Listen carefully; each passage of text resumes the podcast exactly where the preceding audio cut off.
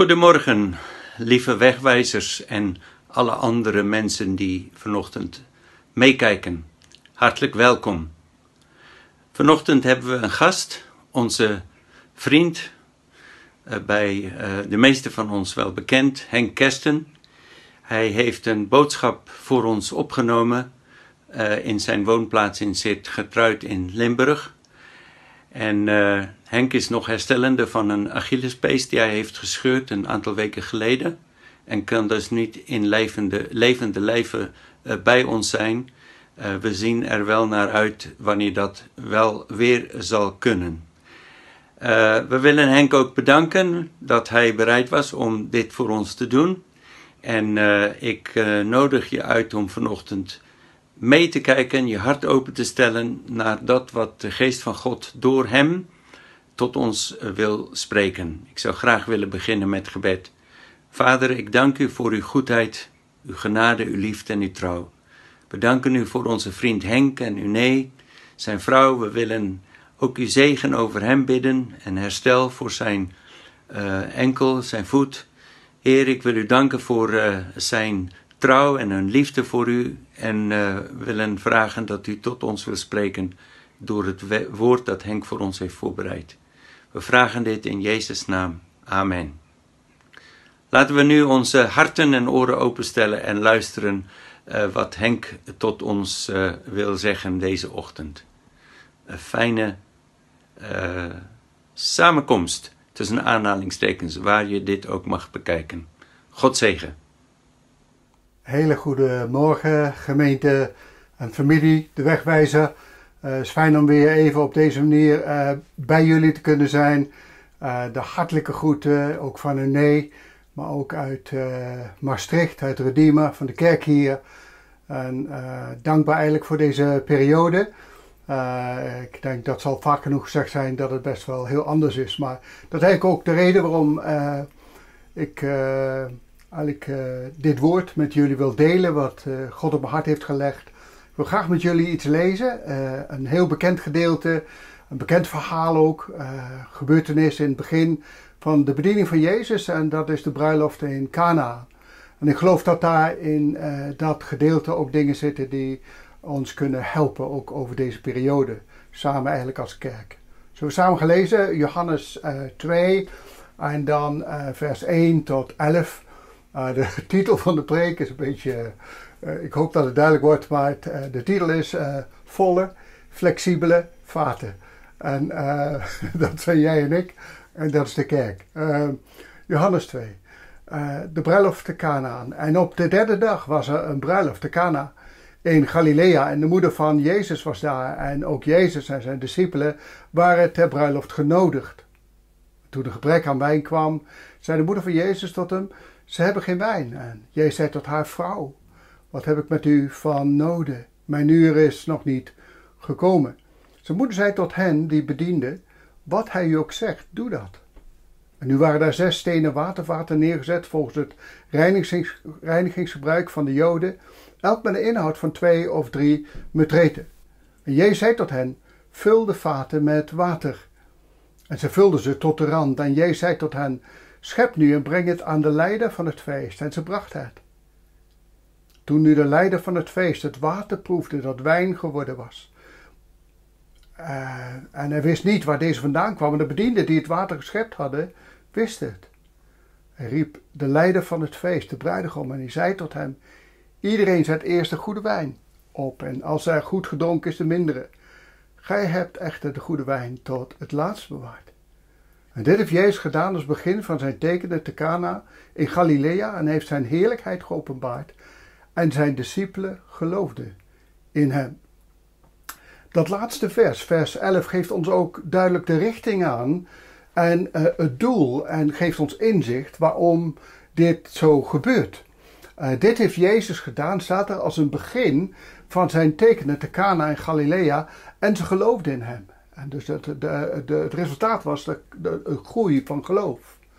Uh, dit is het begin en het is een teken.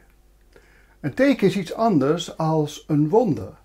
Het is namelijk een wonder wat een specifiek doel heeft om iets te laten zien, om ons ergens op te wijzen of om ons ergens naartoe te leiden. We kennen allemaal dat verhaal van de wijzen uit het oosten voor de geboorte van Jezus. Ze hadden een ster aan de hemel gezien als een teken. Een teken was dat ze wisten dat er een koning geboren was. En de richting was de richting die de ster opging. Dus ze volgden de ster. Dat teken was zowel uh, inzicht geven in wat er gebeurde als ook richting geven aan. En het wonder hier bij de bruiloft gaat verder dan alleen maar water in wijn veranderen. En ik zeg alleen maar, het is natuurlijk een fantastisch, prachtig wonder op het juiste moment. En wat een zegen ook voor dat bruidspaar. Maar eh, de betekenis ligt veel dieper dan dat. En Jezus helpt ons, wat ik al eerder zei, om ons geloof in Hem te versterken en te verdiepen en te zien groeien. En niet langer is het Johannes de Doper die uh, de wegbereider is. Maar eigenlijk is dit het begin, staat er. Vanaf nu is het Jezus die zal laten zien hoe verder en hoe de Vader te ontmoeten. Door zijn leven en door zijn werken heen. Dit was het begin. En Jezus begint bij een bruiloft. Midden onder de mensen. En het verhaal van Johannes de Doper is, hij was heel erg afgezonderd van de mensen. Hij was bij de mensen vandaan. En Jezus vanaf het allereerste begin is te vinden midden onder de mensen. En dat is eigenlijk altijd zo gebleven, gelukkig. Hij omringde zich altijd met mensen. Hij was bij mensen allerlei slag, allerlei soort. En Jezus begint met een bruiloft. En volgens het boek Openbaring wijst alles naar een geweldig bruiloftsfeest en bruiloftsmaal dat eraan komt. Het is het begin en het is een teken. Het is het teken en het moment van het begin dat de aarde en de hemel met elkaar verbonden worden. Het wijst ons vanuit de aarde richting de hemel. Het is een voorproefje op een komend feest. Waar de wijn nooit opraakt. Waar de wijn van vreugde en de wijn van eeuwige blijdschap altijd bij ons zal zijn. Wat een, wat een toekomst eigenlijk. En Jezus bij dit eerste wonder verandert water in wijn. Het is zo anders als dat eerste wonder dat Mozes deed. Water werd in bloed veranderd. Het wonder van Mozes en bij Mozes was een plaag. Het sprak over het oordeel van God. Om de vijand uh, te doen verdwijnen en te, en te zorgen dat de vijand niet langer een invloed zou hebben. En het eerste wonder van Jezus is een zegen. Het spreekt over de genade van God. En, en eigenlijk vanochtend wil ik samen met jullie wat stilstaan, nadenken over een aantal dingen die in dit gedeelte staan, die ons kunnen helpen in deze tijd van COVID, een tijd van, geloof ik, ook verandering voor de kerk. Een tijd van transformatie, van vernieuwing. En mogelijk gedachten die ons kunnen helpen over deze tijd. Een van de eerste dingen die ons opvalt in dit gedeelte is dat de wijn raakt op. En ik weet niet hoe het met jullie is, maar zeker in deze tijd dat ik daarover nadenk, het roept heel veel vragen bij je op. Bij mij in ieder geval. Uh, eigenlijk de vraag is, waren ze dan niet goed voorbereid? Ik bedoel, uh, je slaat toch voldoende in als je weet dat de mensen komen. Was er, mankeerde er iets aan hun voorbereiding? Of waren er veel meer gasten gekomen als dat ze gedacht hadden? En waren ze blij verrast met niet uh, een paar honderd, maar meer dan dat? Uh, het staat daar niet duidelijk wat daar precies aan de hand is. Maar wat er wel aan de hand is, ze werden verrast. En ze hadden hier niet op gerekend. En Jezus gebruikt ergens die gelijkenis van die vijf dwazen en die vijf wijze maagden. Je weet wel, met die lampen met olie en uh, ook nog een kruik erbij om uh, voor de vijf die wijs waren, die hadden nog wat extra meegenomen. Ze waren, dat was ook een, een beeld eigenlijk van een bruiloft. Met Jezus als de bruidegom. Ze gingen de bruidegom tegemoet. En die vijf dwazen hadden voldoende voor het moment maar niet voor de tijd daarna. Ze waren niet berekend en hadden niet gerekend op een andere periode. En het coronavirus heeft niet alleen de wereld verrast, moet ik zeggen, maar als ik zo om me heen kijk en lees en hoor en, en in contact ben met kerken, dan heeft het ook de kerk bijzonder verrast. Wereldwijd. Niet alleen in eerste instantie die eerste golf uh, in maart, uh, toen dat ons land binnenkwam, maar met enige regelmaat blijven we verrast worden met de, de, de terugkeer of de uitbraak of, en de er is sprake van een tweede golf en dergelijke. En zoals Paulus eigenlijk in Handelingen uh, 27 uh, in een iets terecht is gekomen, een storm, en, en Eh, ze weten zeker dat ze schipbreuk gaan leiden en ze gooien zoveel mogelijk overboord. En eigenlijk is het, eh, het, beeld daarvan ook voor Paulus en de anderen. En ervaren schippers, mensen die al jaren, uh, sinds, sinds jaar en dag eigenlijk op het water waren, op de zee waren, werden volkomen verrast. En niemand kon dit schip nog ergens heen navigeren. Ervaren schippers hadden niet langer de controle over het schip. En we zien eigenlijk dat in deze tijd dat het niet mogelijk is om uh, de kerk eigenlijk op dit moment echt heel erg goed te navigeren. We doen ons best. En we zijn bezig, maar ook voelen we met elkaar, zowel voor de kerk als ook in de samenleving, de controle is uit onze handen weg. Uh, iedere paar weken is er weer een uitzending, uitzending met premier uh, Rutte en Hugo de Jonge over die veranderende maatregelen om COVID het hoofd te kunnen bieden en zorgen dat dit niet zo'n groot effect heeft op onze samenleving. Dat spanningsveld tussen eh, economische belangen en, en, en, en, en zorg en aandacht en, en uh, zorgen dat het wel gaat met ons. Maar we hebben niet langer de navigatie daarover en we doen ons best. En ongetwijfeld zullen jullie over deze afgelopen periode, net als wij, periode, net als wij uh, regelmatig herinnerd worden aan de brief van eh, Jacobus, die brief van wijsheid, uh, hoe om te gaan met situaties in het leven. En hij zegt daar, u die zegt vandaag of morgen gaan wij op reis naar die en naar die stad en we zullen er een paar jaar doorbrengen, zaken doen, een winst maken. U die niet eens weet hoe morgen zijn zal. Weet je, even los van COVID, het, het leven is al complex genoeg, normaal, zonder COVID onder normale omstandigheden alleen maar te kunnen denken. Niet alleen aan vandaag, maar hoe zit het met morgen? Uh, het, het, kopen en het verkopen, het inkomen en geld en pensioen en al die andere zaken. Uh, het, het, het, weet je, naar andere situaties gaan, het reizen en, en hoe kan ik dingen doen als uh, dingen veranderen. Dat is in de normale situatie. Nu met COVID is dat nog zo heel erg anders geworden. En de woorden van Jacobus zijn veel meer gaan betekenen, denk ik, in deze periode. Omdat geen van ons eigenlijk de controle heeft. Dat is één kant. Tegelijkertijd, als ik zo uh, om me heen luister en kijk en gesprek ben met verschillende leiders samen met René en uh, we nog eh, in contact zijn via Zoom en Skype en, en waar mogelijk soms mensen ontmoeten, zijn we ook enorm onder de indruk over de weerbaarheid van de kerk, de elasticiteit van de kerk. De stevigheid die er in de kerk ligt. En dat geldt natuurlijk niet voor iedereen op dezelfde manier, maar sommige kerken helpen nu andere kerken mee om goed te reageren op datgene wat er gebeurt. Ze zijn dankbaar voor de techniek en voor de, voor de media en voor wat er mogelijk is. En eigenlijk op deze manier ook wat er mogelijk is, zo met elkaar. En we zien hier in dit gedeelte in, uh, in de bruiloft van Canaan dat, dat Jezus gebruikt eigenlijk wat voorhanden ligt. Er zijn een aantal vaten en hij gebruikt wat beschikbaar is. En ik geloof dat voor deze tijd, voor de kerk, mag ik het eerste woord denk ik gebruiken wat ik eigenlijk op mijn hart heb, is dat de kerk een flexibiliteit kent. Ik denk flexibiliteit is een sleutelwoord. Zijn wij in staat, ben jij in staat persoonlijk ook, maar ook gezamenlijk als kerk, om je aan te passen aan een nieuwe situatie? En niet probeer terug te gaan naar hoe het was, maar open staat voor datgene wat God wil doen. En ik geloof namelijk dat de kerk die het meest vruchtbaar is in deze tijd en het meest efficiënt is in deze tijd, is een kerk die zich die flexibel opstelt en zich aanpast. Niet aanpast in waarheid over het evangelie, maar aanpast in de stijl en de wijze waarop we kerk zijn.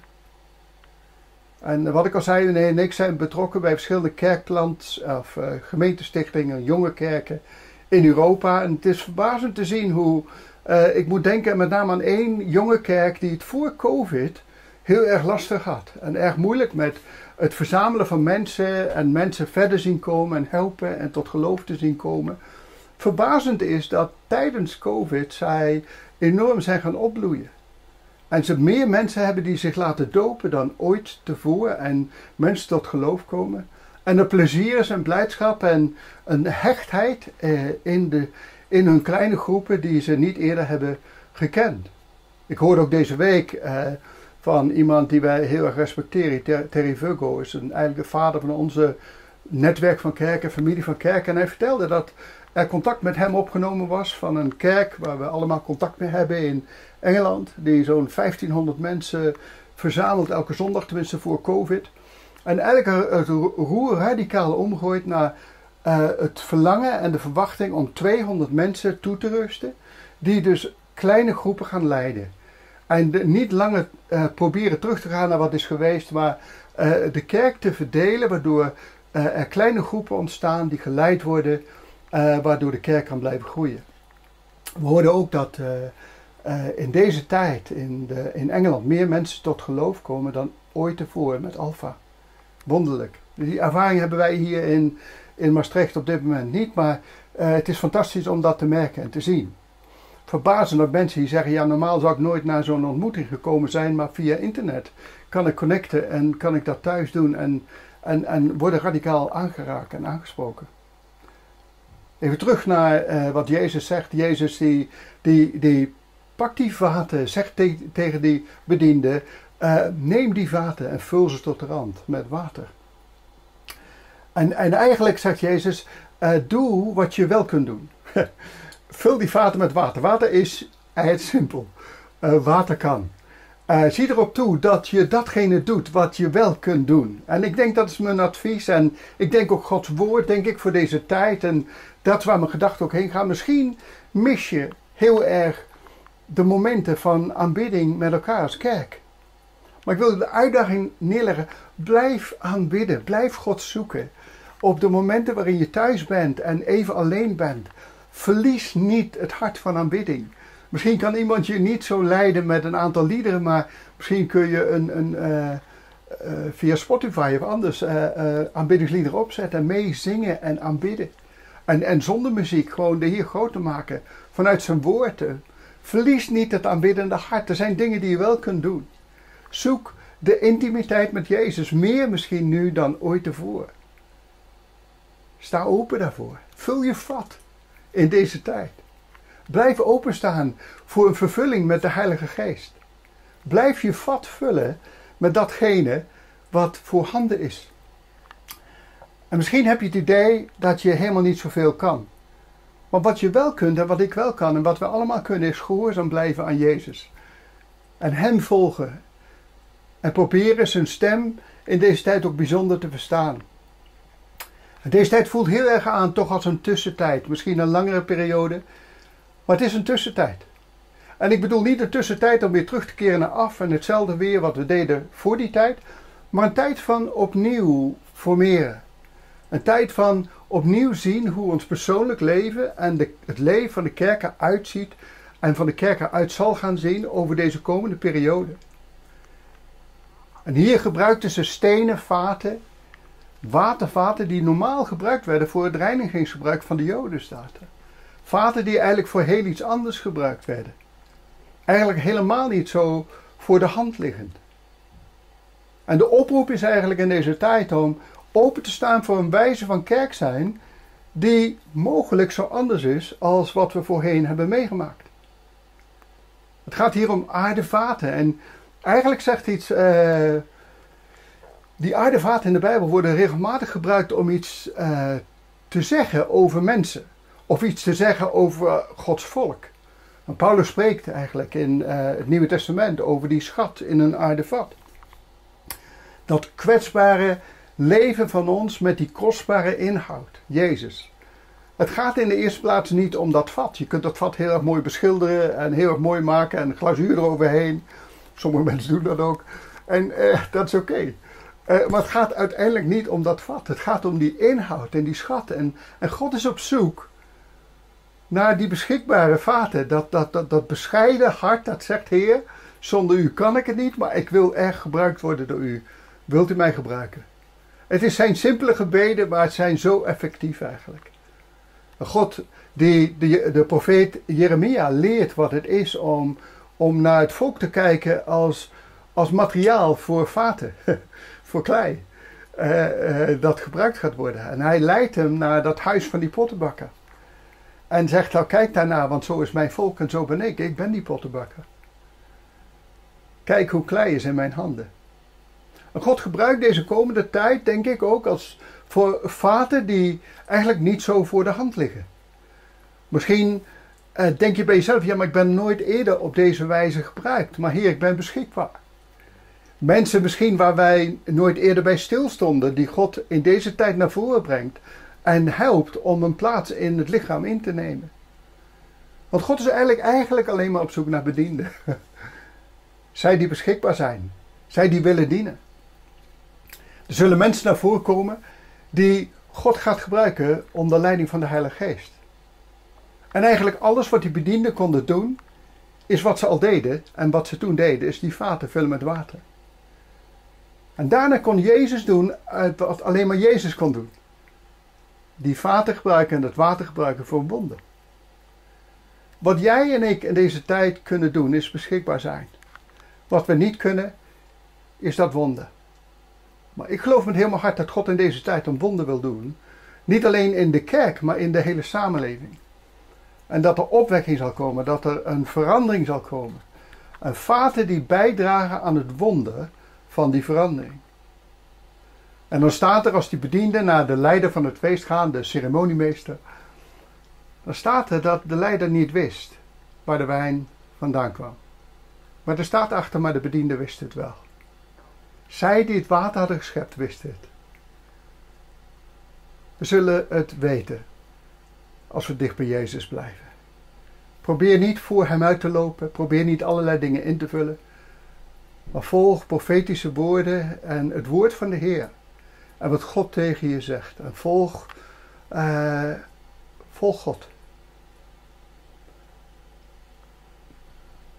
Wanneer we de komende tijd Jezus blijven dienen en hem blijven gehoorzamen, gaan we samen deel uitmaken van die nieuwe tijd. God wil door dit alles heen iets prachtigs doen. En als ik kan samenvatten, wil ik het eigenlijk samenvatten op deze manier. Ze waren begonnen aan een feest, maar ze konden zelf dat feest niet afmaken. Ze waren niet helemaal voorbereid. Er was nog iets meer.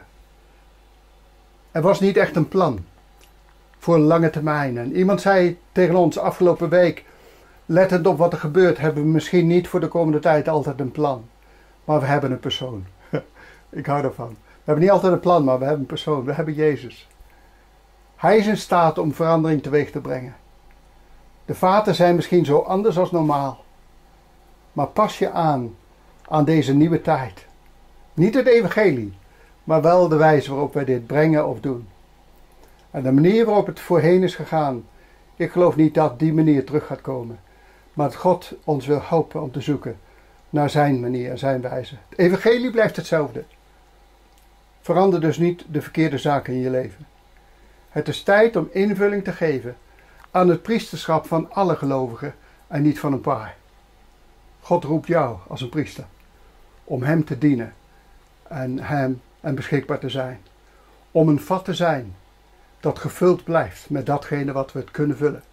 Met onze aanbidding, met onze gebeden, met onze dankzegging en met onze liefde voor elkaar.